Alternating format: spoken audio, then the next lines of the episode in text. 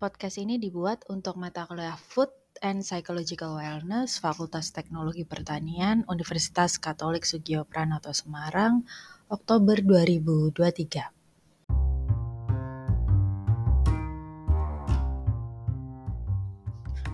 Oke, kita udah sampai di slide yang kedua ya. Jadi berikutnya seperti itu. Kalau musiknya sudah hilang ganti, berarti saatnya kalian juga untuk berpindah gitu ya. Nah, sekarang kita akan ngomongin dulu tentang psikopatologi. Nah, sebelumnya saya ingin berterima kasih uh, karena teman-teman sudah menyelesaikan tugas yang saya berikan. Saya sudah baca sekilas beberapa tugasnya menyenangkan membaca dari kalian meskipun nanti ada beberapa hal yang perlu saya luruskan tentang psikopatologi. Dan memang saya lihat kebanyakan dari kalian memberikan uh, himbauan atau saran bagaimana orang dengan berbagai disorder itu um, perlu apa namanya melakukan apa mengasup makanan apa gitu ya. Uh, itu adalah keahlian kalian gitu. Yang yang menurut saya itu sangat baik gitu. Tapi dalam kuliah ini karena keahlian saya adalah di bidang psikologi saya tidak tahu banyak tentang nutrisi dan pangan seperti kalian maka saya akan menerangkan lebih banyak ke kondisi mereka dan kemungkinan bagaimana pola makan mereka akan berubah atau berbeda dibanding orang lain. Nah, sebelum itu kita akan belajar apa itu psikopatologi. Uh, psikopatologi ini bukan bukan cuma ngomongin psikopat ya, itu salah. Uh, psikopat itu sebenarnya bukan nama bukan nama yang resmi itu uh, bagi kriminal-kriminal itu gitu. Tapi psychopathology itu adalah segala macam gangguan yang terkait dengan kondisi psikologis seseorang. Jadi, psikopatologi itu mencakup berbagai macam kondisi kesehatan mental, mulai dari depresi, schizofren, kecemasan, fobia, dan lain sebagainya. Nah, di dalamnya adalah ada clinical and personality disorder. Maksudnya apa? Clinical disorder adalah gangguan yang mungkin muncul pada satu fase tertentu dalam hidup dan bisa uh, hilang atau juga bisa kambuh juga itu tergantung dan ada personality disorder atau gangguan kepribadian yang itu sebenarnya gangguan yang lebih laten yang memang sudah sangat melekat dan susah untuk berubah gitu ya dan itu menjadi bagian dari uh, identitas diri seseorang. Nah, kalau kemarin kita udah bahas soal eating disorder, di mana orang itu punya gangguan makan yang spesifik, yang pasti nanti uh, dia berpengaruh pada pola makannya. Nah, sedangkan kalau di sini kita akan bahas berbagai macam mental disorder yang mungkin akan mempengaruhi bagaimana seseorang makan dan itu dipengaruhi oleh adanya kecemasan mereka, adanya mood mereka yang mungkin berantakan, adanya halusinasi atau kondisi-kondisi lain yang mungkin terjadi. Sehingga kita nggak ngomongin spesifik rumusan mengenai bagaimana seseorang makan karena uh, kondisi bagaimana mereka makan itu tidak selalu menjadi bagian dari psikopatologi mereka tidak menjadi bagian dari gangguan mereka.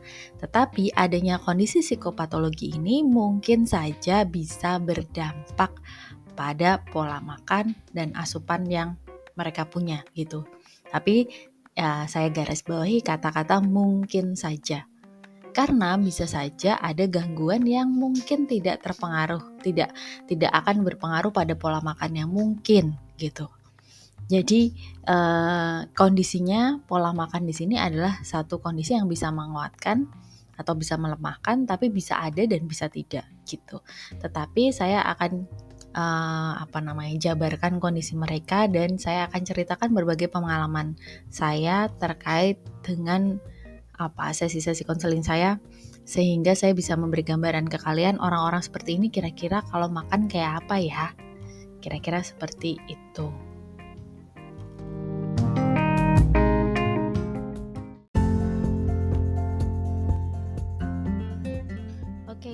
Akan mulai dari gangguan pertama atau gangguan yang mungkin bisa dibilang gangguan mental yang uh, paling sulit untuk dihadapi gitu ya yaitu schizophrenia dan kondisi psikotik lainnya gitu.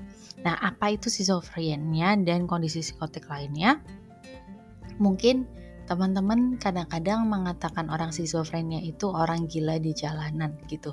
Jadi ketika Anda melihat orang-orang di jalan yang ngomong-ngomong sendiri, terus sorry mungkin kadang nggak pakai baju, uh, lusuh, terus gimbal gitu. Nah, secara klinis kita menyebutnya schizofren atau ODS orang dengan schizofren. Kita tidak menyebutnya orang gila karena itu sangat stigmatif dan uh, sedikit masukan juga untuk um, tulisan kalian uh, beberapa tulisan kalian.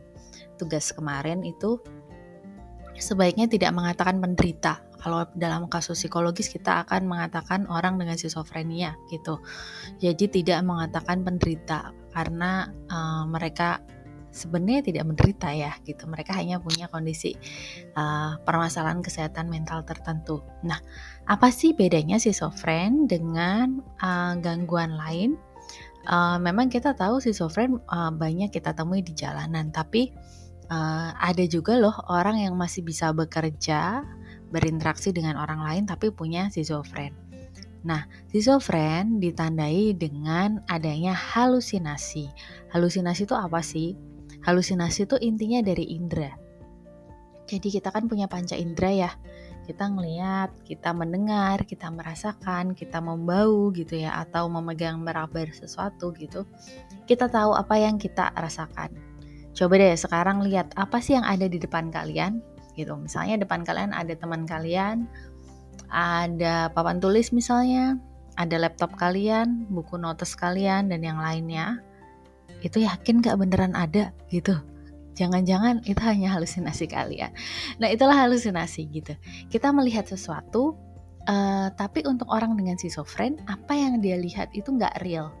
Jadi misalnya dia ngelihat uh, buku di depannya itu adalah pedang misalnya.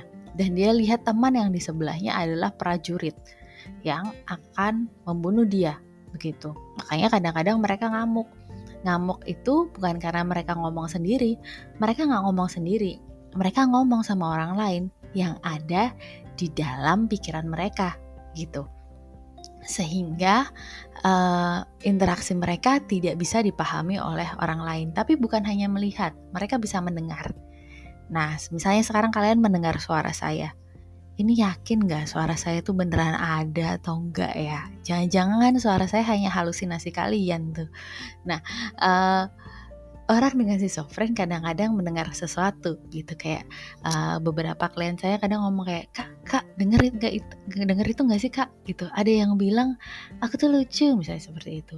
Atau ada suara-suara yang mengatakan kamu harus pergi ke sana kamu harus pergi ke sini. Nah, tapi bukan hanya visual dan auditorik, tapi juga bisa merasa, taste, lalu bisa smelling, jadi bisa ngerasa bau-bau tertentu atau uh, perabaan. Mereka meraba sesuatu itu berbeda, begitu. Nah, itu halusinasi. Uh, di orang awam kadang-kadang ada kesalahan ngomongin halusinasi dan delusi ketika orang menceritakan sesuatu yang berlebihan, itu sebenarnya bukan halusinasi. Itu lebih dekat ke delusi yang ada di bawahnya. Jadi kalau halusinasi itu kuncinya adalah mereka tuh lewat, lewat indera. Uh, apa yang dirasakan panca indera itu tidak nyata gitu. Kalau delusi itu adalah kepercayaan yang sangat kuat terhadap sesuatu meskipun hal itu nggak nggak rasional Misalnya ketika saya mengatakan bahwa saya adalah titisan malaikat. Atau ketika seseorang dulu tuh ada yang ngomong apa Sunda Empire itu uh, adalah apa gitu ya sesuatu yang besar gitu itu delusi delusi itu kepercayaan dia datangnya nggak dari indera tapi dari kepercayaan yang sangat kuat mengenai sesuatu dan meskipun orang lain itu sudah membuktikan bahwa itu salah, dia nggak percaya. Jadi kalau kebanyakan banyak orang yang kalau kita bilang dalam tanda kutip bohong gitu ya, uh, tentang kita kira bohong tentang sesuatu itu bukan halusinasi tapi itu delusi. Tapi ada beda antara delusi dan bohong. Kalau bohong orangnya itu sadar bahwa dia mengarang sesuatu, tapi kalau delusi orang ini tidak sadar gitu. Dia percaya bahwa inilah yang nyata gitu. Nah, ada juga simptom negatif lainnya pada orang dengan schizofren dan gangguan psikotik lainnya. Yaitu ada word salad, uh, taufikinisasi ya, kata-kata yang yang dicampur-campur gitu loh. Uh, misalnya klien saya pernah ngomong Mbak mau nikah Jawa Timur apa nikah eksperimen? Hah, itu maksudnya apa? Saya nggak paham juga nikah eksperimen itu apa gitu. Dia nyampur kata-kata sesuka dia gitu. Uh, kayaknya banyak sih yang lebih lebih aneh-aneh gitu ya tapi saya mungkin sudah terlalu lama tidak banyak berinteraksi dengan mereka jadi saya agak lupa gitu tapi uh, kata-katanya tuh agak aneh kalau kita bandingkan dengan bagaimana kita ngomong sehari-hari. Lalu ada afeksi yang datar alias mukanya tuh kayak datar terus gitu. Mau dia habis ngapain aja tuh mereka kayak datar nggak ada rasa bersalah, nggak ada rasa takut gitu. Jadi mukanya datar aja gitu. Mungkin mereka habis ngamuk tapi mukanya datar. Terus yang terakhir ada stupor atau gerakan mematung kadang kadang-kadang kalau uh, uh, orang schizofren yang ada di jalanan itu kan mungkin duduk lama di satu tempat gitu ya. Dulu klien saya itu kalau lihat matahari dia akan uh, mencari cahaya matahari, lalu dia duduk menghadap matahari dan tangannya merentang ke atas. kalau kita panas-panas uh, apalagi panas kayak Semarang kayak gini ya. Merentangan tangan ke atas ya paling 1 2 menit kita udah pegel ya. Tapi mereka bisa berjam-jam jadi gerakan tangan mereka itu bisa sangat berbeda, gerakan tubuh mereka tuh bisa sangat berbeda pada kita. Yang kalau kita ngerasa, aduh kita bakal pegel deh kalau kita kayak gitu, gitu. Nah itu schizofren. Semua yang ada di slide ini menandakan schizofren. Tetapi selain schizofren ada beberapa gangguan psikotik lainnya yang lebih kecil, yang mungkin tidak akan cukup waktunya kalau saya jelaskan di sini tapi uh, gangguan psikotik lainnya itu mencakup uh, antara mungkin halusinasinya aja atau delusinya aja atau negatif simptomnya aja atau perpaduan antara beberapa tapi tidak separah schizofren. Jadi schizofren ini yang paling komplit lah paketannya gitu ya. Sedangkan yang gangguan psikotik lainnya itu ada beberapa cirinya tapi tidak sekomplit uh, schizofren gitu. Itu kira-kira tentang gangguannya.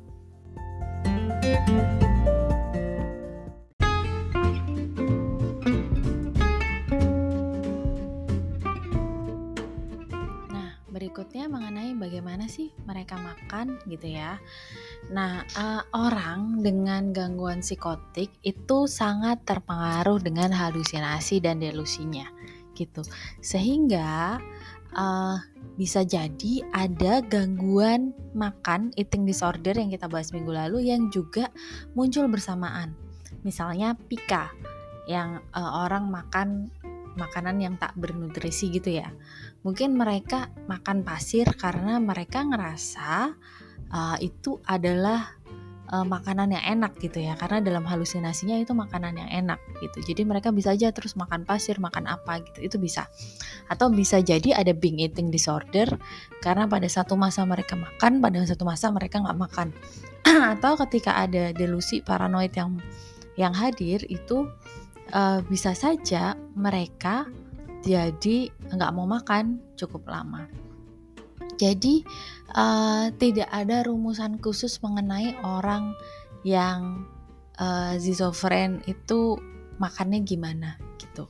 Itu benar-benar bergantung pada persepsi mereka terhadap makanan yang itu nggak real dan itu bisa berbeda satu orang dengan orang lain gitu.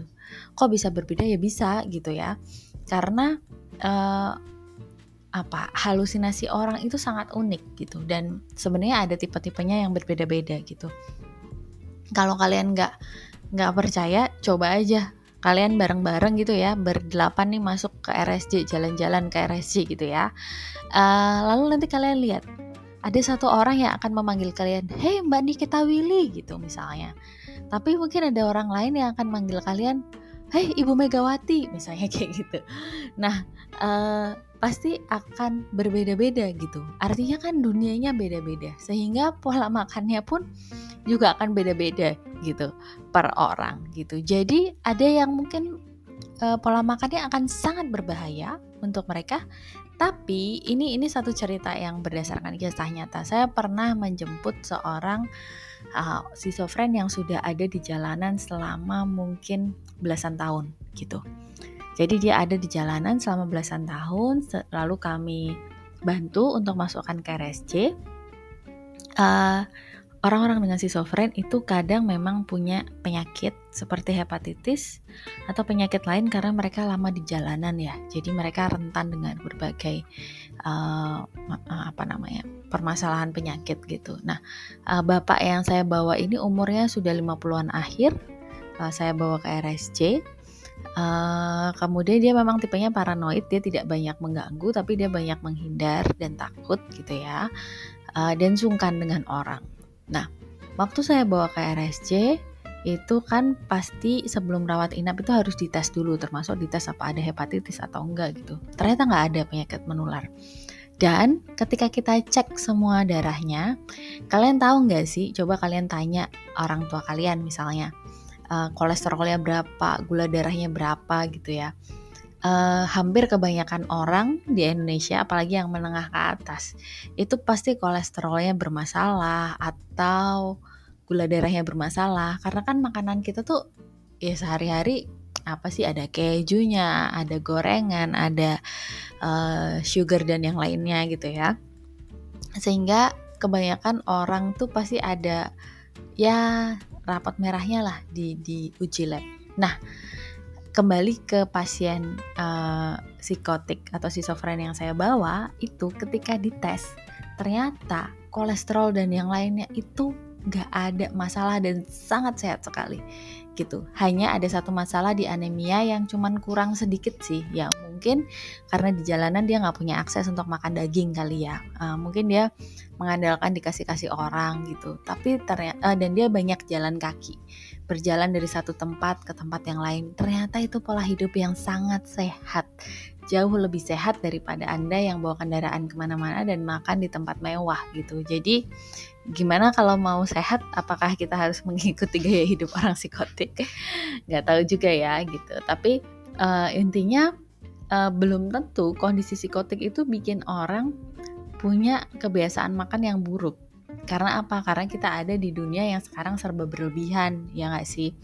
Gorengan berlebihan, gula berlebihan gitu. Sehingga mereka yang di jalan yang cuma dikasih makan seadanya sama penduduk setempat atau mereka minta-minta di warung, itu ternyata lebih sehat daripada kita.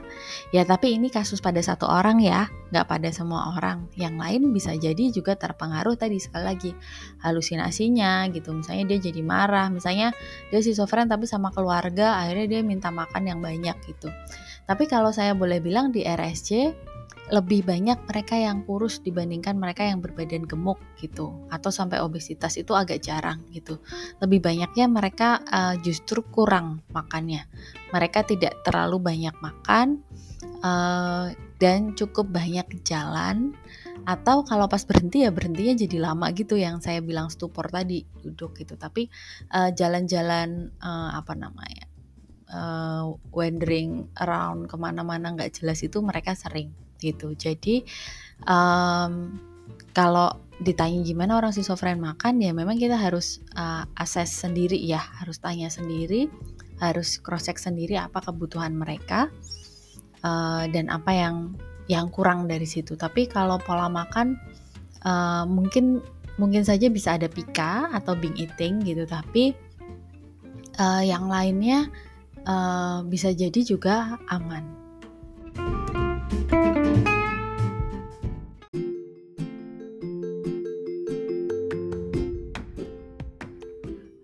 Berikutnya adalah gangguan depresi. Eh, sorry, kok depresi sih?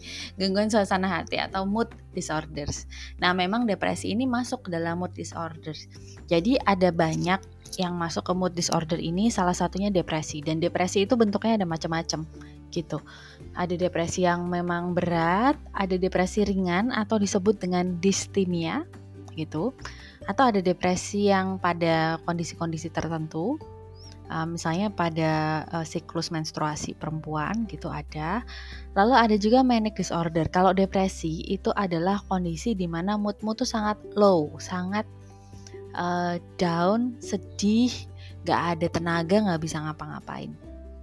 Nah, sebaliknya kalau manic disorder itu adalah kondisi di mana seseorang sangat up, sangat happy, sangat seneng, tapi berlebihan. Jadi misalnya kalap, jadi terlalu percaya diri gitu ya. Nah, versi ringannya ada yang namanya hipomania. Lalu ada kondisi di mana orang pada satu musim dia depresi, tapi pada musim lain dia manic gitu. Nah, itu yang disebut manic depresif atau sama dengan gangguan bipolar. Ketika dia down dia benar-benar sedih banget, ketika dia up dia benar-benar happy dan agak berlebihan gitu. Tapi kondisinya biasanya musiman gitu. Jadi ada kondisi uh, beberapa bulan dia sedih lalu beberapa bulan dia up gitu. Nah, uh, depresi uh, manic dan bipolar ini punya versi yang lebih light atau lebih uh, apa lebih ringan yaitu yang disebut disnemia itu kondisi ringannya depresi. Kalau depresi itu bisa terjadi sangat berat dan selama enam bulan. Kalau distimia itu bisa lebih ringan depresifnya tidak sedown itu tapi dia bisa bertahan hingga 2 tahun lalu ada hipomania sama uh, manianya nggak begitu naik tapi bisa sampai 2 tahun dan ada siklotimia yang juga sama. Jadi distimia, hipomania dan siklotimia itu bertahannya bisa lebih lama tapi uh, kadar ke keparahannya itu lebih sedikit gitu. Nah, dan ada beberapa kondisi lain terkait uh, bipolar dan uh, depresi. Hmm. Tetapi uh, saya mau sedikit uh, merevisi dari tugas kalian teman-teman uh, yang yang membahas depresi. Depresi itu tidak menyebabkan uh, zizofren dan zizofren bukan bagian dari depresi ya.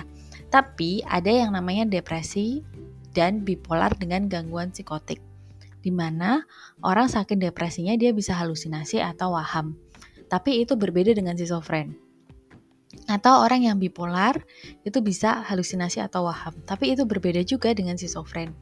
Kondisi halusinasi dan wahamnya ini hanya terjadi ketika moodnya tuh lagi di puncak-puncaknya tapi kalau moodnya lagi nggak begitu di puncak itu nggak muncul gitu. Jadi uh, bukan bukan depresi, uh, bukan schizofrenia itu bagian dari depresi itu bukan, tapi ada sedikit gejala psikotik yang bisa muncul ketika mood itu sedang sangat berlebihan.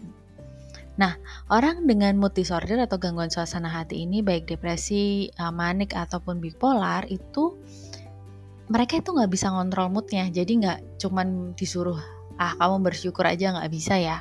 Karena ini bukan cuman psikologis tapi biologis juga. Jadi ada faktor-faktor biologis seperti kondisi dopamin dan serotonin yang bisa membuat uh, mood mereka itu juga naik turun. Meskipun pengobatan psikologis juga dibutuhkan, tetapi maksudnya adalah kita tidak bisa terapi doang terus mereka sembuh, itu nggak bisa. Jadi memang butuh uh, berbagai macam intervensi uh, termasuk dari keluarga juga agar mereka bisa sepenuhnya uh, dalam tanda kutip sembuh gitu ya. Uh, dan uh, setahu saya obat-obatan yang sering diberikan itu lithium meskipun saya nggak ngerti gunanya buat apa gitu ya. Tapi uh, lithium itu sering diberikan uh, ketika ditemui kasus-kasus bipolar. Tapi itu kan psikiater yang lebih tahu ya. Karena kalau kami di psikologis kan, kami di psikologi kan tidak memberikan obat tapi memberikan terapi gitu. Sehingga uh, untuk pengobatan bisa lebih banyak nanya ke orang-orang kedokteran atau orang-orang uh, psikiatri.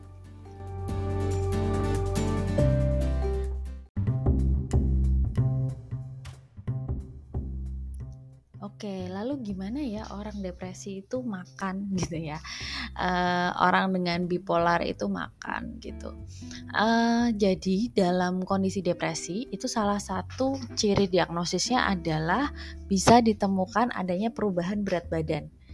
Perubahan berat badan itu bisa berkurang secara signifikan atau bisa naik secara signifikan. Jadi kalau orang dengan depresi itu kadang-kadang mereka jadi nggak doyan makan atau mereka jadi makan berlebihan. Ya bayangin kamu stres terus kamu pengen makan terus atau kamu jadi nggak doyan makan gitu. Dan sekali lagi itu mood mereka yang menguasai, bukan diri mereka sendiri, tapi mood uh, atau kondisi kimiawi mereka yang bisa hmm, menguasai itu. Nah, di sisi lain, uh, orang terutama orang dengan depresi ya, mereka itu punya permasalahan dalam merawat diri. Artinya gimana mereka membersihkan kamarnya, menata barang-barangnya, itu jadi buruk gitu ya. Orang dengan depresi berat itu biasanya kamarnya wah berantakan deh. mungkin yang hoarding-hoarding itu ya kalau ada di viral-viral itu ya orang yang hoarding kamarnya kayak gini itu kebanyakan mungkin mereka punya permasalahan depresi juga gitu uh, orang dengan bipolar uh, yang mungkin dalam fase manik pun kadang-kadang mereka nggak bisa ngendaliin diri juga saking kesenangannya gitu jadi mereka juga tidak punya um, apa namanya kendali diri yang baik. Nah, uh, rutinitas itu adalah hal yang sulit pada orang-orang dengan mood disorder. Sedangkan setahu saya itu kan pola makan itu yang baik yang rutin ya dan seimbang ya gitu. Tapi orang eh, orang-orang dengan mood disorder itu mereka itu sangat terpengaruh oleh moodnya sehingga sangat sulit untuk mereka uh, menghadapi suatu rutinitas. Kadang mereka tuh sangat senang berlebihan, kadang mereka sangat sedih berlebihan. Sehingga untuk punya rutinitas itu sulit, ter termasuk rutinitas makan. Uh, salah satu klien saya yang depresi itu mengatakan pada saya bahwa dia cuma makan sekali sehari, mungkin hanya cake atau pisang, gitu aja. Dia nggak punya tenaga dan ternyata dampaknya adalah sampai uh, lambungnya berdarah, lambung atau usus gitu saya lupa, tapi saluran pencernaan dan akhirnya dia harus ditreat sama dokter spesialis penyakit dalam. Karena uh, sorry BAB-nya sampai berdarah gitu ya sampai hitam dan berdarah karena dia bisa itu sampai seminggu itu dia makan tuh sehari ya cuman kayak cake atau apa gitu ya. Yang cuman satu gitu loh saya bayanginnya kayak cuman satu buah roti sari roti doang gitu karena dia saking depresinya gitu. Nah itu kan tentu nggak baik ya buat lambung gitu Nah, di sisi lain yang agak uh, tricky dari orang-orang dengan mood disorder adalah ketika kita terapi sama mereka, itu kan tadi saya bilang bahwa mereka tuh kesulitan menjaga rutinitas. Sehingga uh, sering kali itu mereka tidak datang ke treatment, tidak mengikuti anjuran gitu. Karena mereka sangat dipenuhi dengan mood gitu. Uh, jadi saya biasa tuh kalau ada janjian sama klien sama dengan depresi itu dia telat itu udah biasa banget gitu karena memang, memang mereka sering datang terlambat gitu. Nah, uh, empati itu sangat diperlukan agar mereka punya semangat. Jadi kalau menghadapi orang-orang ini memang jangan langsung dikasih tahu, apalagi dinasehati. Mereka sudah kenyang dinasehati, tapi diberi empati, didengarkan, dan uh, cari mood enhancer atau hal-hal uh, yang bisa mengapa? Meningkatkan mood mereka. Uh, kayak tadi klien saya nggak pernah makan uh, akhirnya saya coba saya ajak untuk membayangkan apa ya yang enak ya baunya. Misalnya bau makanan yang enak hmm, mungkin jeruk saya bilang seperti itu. Ternyata uh, dia jadi pengen waktu itu setelah sesi dengan saya akhirnya dia jadi pengen makan. Karena dia uh, mencari-cari uh, apa namanya taste yang yang enak yang seger gitu loh yang membantu dia mengurangi moodnya yang buruk gitu. Jadi itu sangat diperlukan untuk mencari uh, apa yang yang bisa membuat mereka lebih merasa lebih nyaman gitu ya. Uh, makanan yang uh, nyaman untuk mereka makan atau kadang-kadang saya menyarankan mencoba dari makanan yang gampang ditelan dulu karena makan untuk mereka itu hal yang sulit. Jadi biasanya saya bilang, oke, okay, kalau gitu sediain puding atau biskuit atau bubur, biar itu ketelan, biar kamu makan dulu gitu. Intinya makan aja dulu gitu. Nanti kalau sudah baru dinaikkan pelan-pelan kalau dia sudah terbiasa gitu. Tapi kalau harus langsung makan sesuatu yang berat, itu akan sulit buat dia. Jadi dengan orang-orang seperti ini kita perlu ajarkan untuk membangun kebiasaan pelan-pelan, langkah demi langkah. Uh, tidak bisa langsung dikasih uh, apa nasihat untuk makan gini gini gini, tetapi uh, langkah demi langkah yang perlu dilakukan agar uh, mereka sadar bahwa dirinya bisa melakukan perubahan pada pola makan mereka.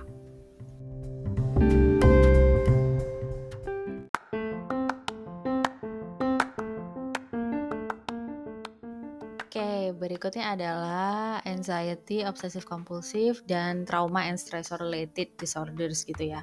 Ini adalah banyak banget gangguan psikologis gitu. Tapi kalau yang tadi itu kan terkait sama mood ya, uh, mood itu kan sesuatu yang menyeluruh. Nah, kalau yang ini, ini kaitannya sama kecemasan. Kecemasan itu kan uh, atau rasa takut, rasa ya takut was-was pada sesuatu gitu.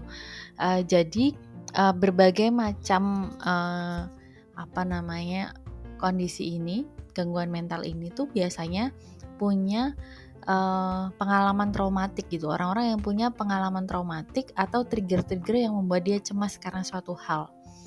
Jadi uh, kondisi ini mencakup fobia, misalnya orang-orang yang fobia takut kucing lah, fobia uh, bulu ayam atau apa, terus PTSD atau orang yang setelah mengalami kondisi trauma misalnya kecelakaan, terus dia jadi takut.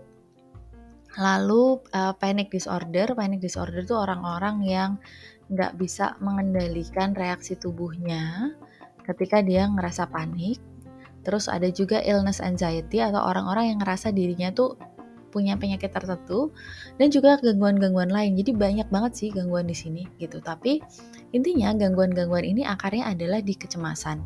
Mungkin pada waktu-waktu tertentu mereka bisa baik-baik saja gitu. Tapi nanti kalau ngelihat sesuatu yang triggering buat mereka atau sesuatu yang nggak sesuai sama mereka, misalnya obsesif kompulsif gitu ya, lihat garis miring aja. Nah mereka tuh jadi cemas, jadi panik gitu ya. Dan kalau panic disorder itu sampai nggak bisa ngendaliin diri mereka, misalnya sampai jatuh terduduk dan nggak bisa gerakin tangan atau kaki, misalnya gitu. Kalau fobia mungkin bisa sampai teriak-teriak gitu ya. Uh, dan pasti jantung mereka itu berdegup sama, sangat kencang ketika bertemu dengan objek-objek yang ditakuti. Jadi mereka nggak bisa kontrol ketika hmm, ada rasa takut yang justru rasa takut itu yang mengontrol mereka gitu. Jadi misal apa bedanya sama rasa takut biasa? Bedanya adalah ketika saya punya rasa takut biasa, saya masih punya akal sehat untuk bagaimana menghindarinya gitu. Uh, atau mungkin kalaupun saya saya ketakutan, saya bisa lari mencari bantuan tapi tidak sampai saya kayak jatuh terduduk nggak bisa mengendalikan diri saya. Dan tentunya ini jadi masalah kalau sampai mengganggu keberfungsian saya sehari-hari. Misalnya jadi nggak bisa berangkat kerja, nggak bisa berangkat kuliah gitu. Nah itu berarti gangguan kecemasannya ini sudah berlebihan gitu. Uh, mereka itu punya awareness yang baik. Mereka sangat memperhatikan kondisi sekitar, tetapi mereka tidak conscious, tidak sadar dengan diri mereka sendiri jadi mereka tuh sangat was-was sama apa yang ada di sekitar, tapi mereka tuh nggak sadar bahwa yang bermasalah itu ada di dalam, di dalam diri mereka sendiri yang mungkin punya uh, pengalaman traumatik atau kondisi-kondisi tertentu yang eh, nggak uh, bisa diatasi. Jadi orang-orang ini sangat was-was, sangat takut pada berbagai hal, tapi uh, mungkin belum benar-benar menilik ke dalam dirinya sendiri yang ternyata rasa takut itu tuh dari dari ketidakmampuan mereka mengontrol emosi mereka. Nah, kira-kira itu kondisi-kondisi yang terkait sama kecemasan.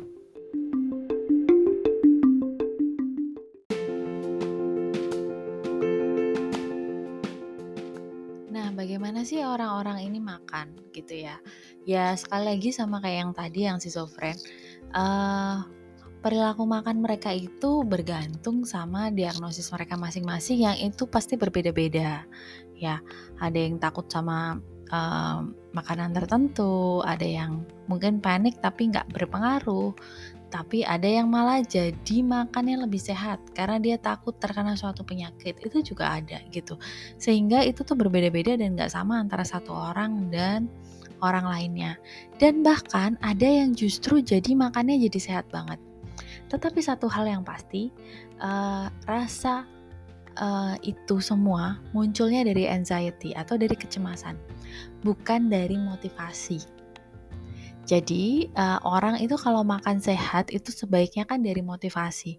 Kalau itu datang dari kecemasan, uh, maka itu tidak akan membantu dan bahkan mengganggu dan bahkan uh, apalagi kalau datang dari kecemasan berlebih ya yang yang jadi masalah di uh, di kondisi mental ini akhirnya adalah uh, menjadi beban buat mereka dan mereka tidak menikmatinya dengan sungguh-sungguh uh, sehingga kadang-kadang uh, jadi berlebihan gitu. Nah, Dan orang-orang dengan kecemasan itu kalau saya bilang itu suggestible. Jadi dia tuh gampang banget disugesti. Masalahnya dia ada di lingkungan yang benar apa yang salah gitu. Kalau mereka ada di lingkungan yang salah, mereka bisa aja disugesti oleh orang-orang yang membuat mereka jadi punya pola makan yang salah. Misalnya uh, kalau waktu covid itu dulu ada ya beberapa kayak harus pakai kalung ini atau apa gitu ya. Nah orang-orang dengan kecemasan mungkin akan mengikuti itu. Atau ada tuh yang misalnya disuruh makan pepaya sama bijinya misalnya gitu ya. Dan uh, dia jadi mengikuti apa yang ada di sekitarnya yang diberitahukan oleh orang uh, yang ternyata kadang-kadang bisa salah gitu. Nah, jadi kalau Anda menemui orang-orang yang pencemas, sebenarnya ini lebih gampang sih daripada tadi ngadepin yang mood sama yang schizofren karena schizofren halusinasi kalau mood ya kita depends on moodnya ya. Nah tapi kalau yang uh, anxiety itu yang penting yang perlu kita lakukan ketika misalnya Anda harus memberikan saran uh, makan pada orang-orang yang pencemas pertama adalah kita yang memberi saran harus relax dulu gitu. Sehingga mereka sangat percaya pada kita gitu. Semakin kita melawan kecemasan dengan kecemasan yang ada cuman debat kusir doang gitu. Uh, yang ada hanya makin cemas. Tetapi uh, bersikap rileks, tenang dan percaya diri itu sangat diperlukan. Terus memberikan saran pelan-pelan. Tapi semua perubahan sama dengan mood disorder tadi perlu dilakukan pelan-pelan, langkah demi langkah, karena akan sulit bagi mereka untuk tiba-tiba mengubah pola hidup mereka. Jadi, bantu mereka untuk mengubah pola hidup perlahan demi perlahan. Nah, itu yang paling penting untuk orang dengan kecemasan. Tapi intinya, orang dengan kecemasan itu justru paling mau mendengarkan orang lain, dan karena mau mendengarkan, dia bisa saja di uh, bikin salah gitu ya. Maksudnya dia dia ikut salah karena sugesti orang lain yang salah gitu. Nah, kita sebagai orang yang mempunyai ilmu perlu bersikap tenang, bukan menyalahkan, bukan menyuruh agar mereka juga percaya dengan kapabilitas kita dan mereka juga tenang. Mereka tahu bahwa mereka bisa mencari kita untuk uh, menanyakan pendapat dan uh, mereka mendapatkan saran yang benar dari kita gitu ya. Tapi memang harus perlahan-lahan, nggak langsung tiba-tiba dikasih tahu, apalagi pakai disalahin itu nggak boleh gitu. Tapi ini kalau saya bilang ini tuh paling gampang gitu loh orang-orang yang pencemas itu gitu. Asal kamu tenang tuh dia bakal dengerin dan lebih gampang untuk sembuhnya gitu ya. Lebih gampang untuk mengikuti apa yang kita katakan. Asal tadi kita mau tenang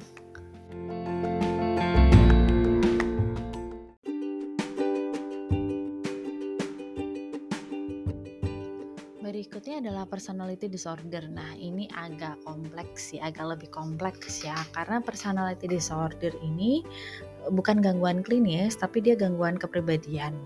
Maksudnya apa itu?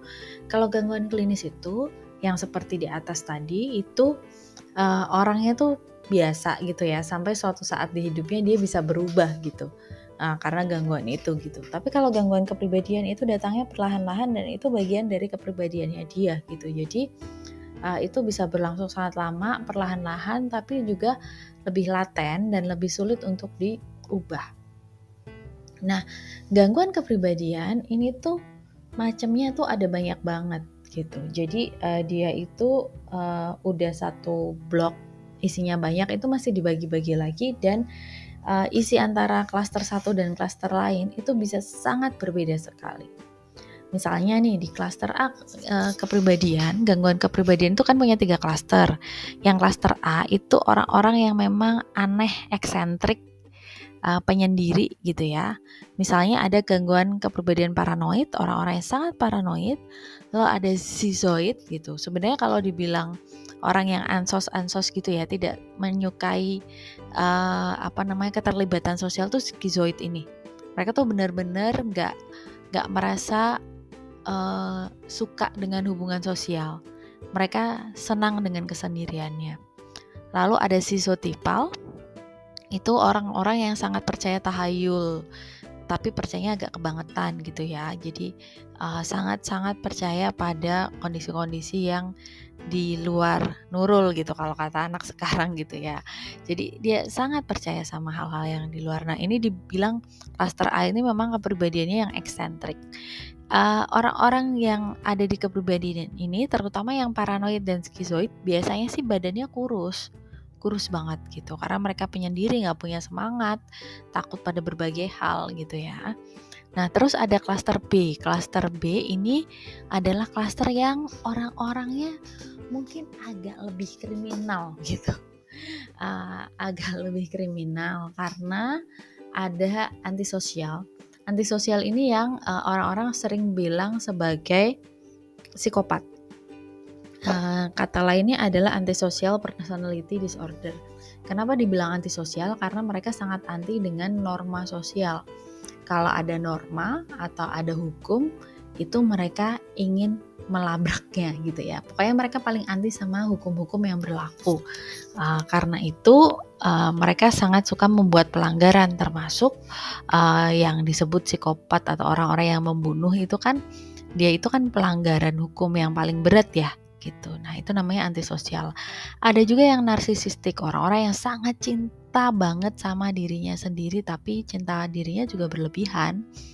Lalu ada histrionik, orang yang sangat histeris, heboh, terus uh, gayanya berpakaian itu pasti kelihatan gitu loh perhiasannya banyak, bajunya ngejreng, makeupnya tebel gitu ya, uh, cara ngomongnya pun keras gitu. Uh, jadi semuanya itu serba uh, apa namanya menarik perhatian orang lain. Lalu borderline. Borderline ini banyak terjadi pada kasus-kasus kekerasan dalam rumah tangga di mana orang itu ketika dia sayang tuh dia sayang banget gitu, tapi dia ketika benci dia benci banget sampai bisa melakukan hal yang membahayakan. Itu borderline personality disorder. Nah, uh, cluster B ini memang uh, mereka yang apa ya kalau bisa dibilang akarnya tuh egosentris gitu ya rasa ego yang cukup besar dan mementingkan diri sendiri maka nggak nggak jarang beberapa di antara mereka itu uh, dekat dengan kriminalitas gitu karena mereka uh, punya ini ya apa namanya punya latar belakang yang seperti itu yang yang egosentris. Nah kalau yang cluster J ini orang-orangnya lebih ke pencemas, uh, penakut dan mereka dependent gitu. Misalnya obsessive compulsive personality disorder. Ini beda sama obsessive compulsive yang tadi. Kalau yang obsessive compulsive personality disorder ini orang-orang yang perfeksionis.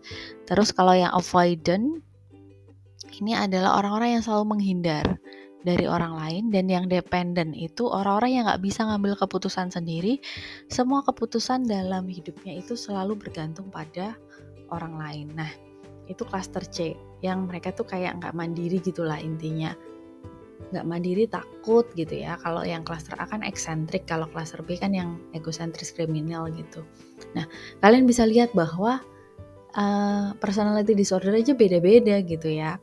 Jadi mungkin nanti ke kondisi makannya juga bisa berbeda-beda.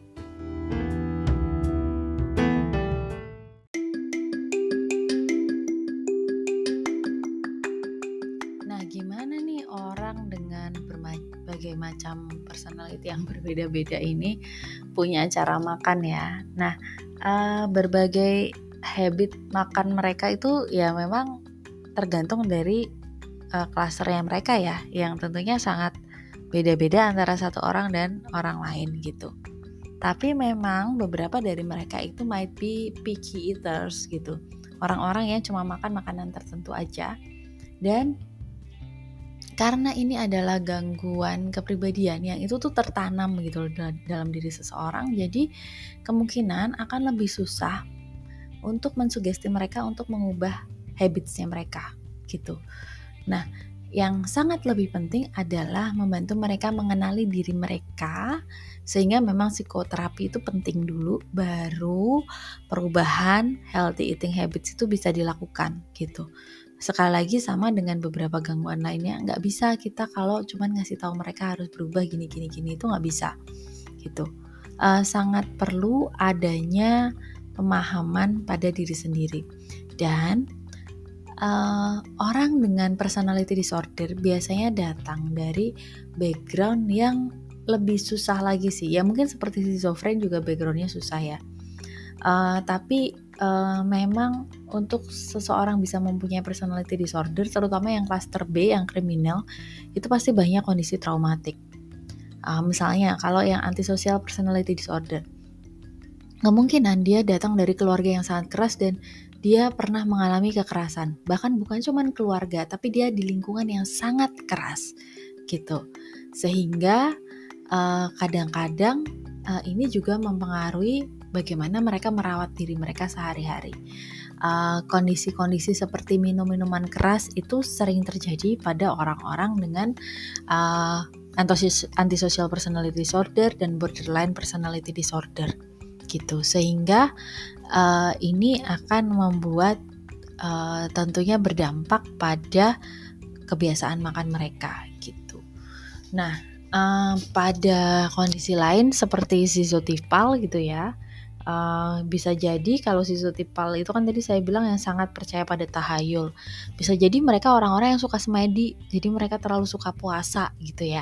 Sehingga uh, pola makan mereka juga bisa menjadi unik karena mereka hanya makan makanan tertentu seperti itu. Jadi memang sangat bervariasi, tapi membantu mereka untuk mengenali diri sendiri dan mereka punya permasalahan itu penting. Baru mengajak mereka mengubah eating habits-nya.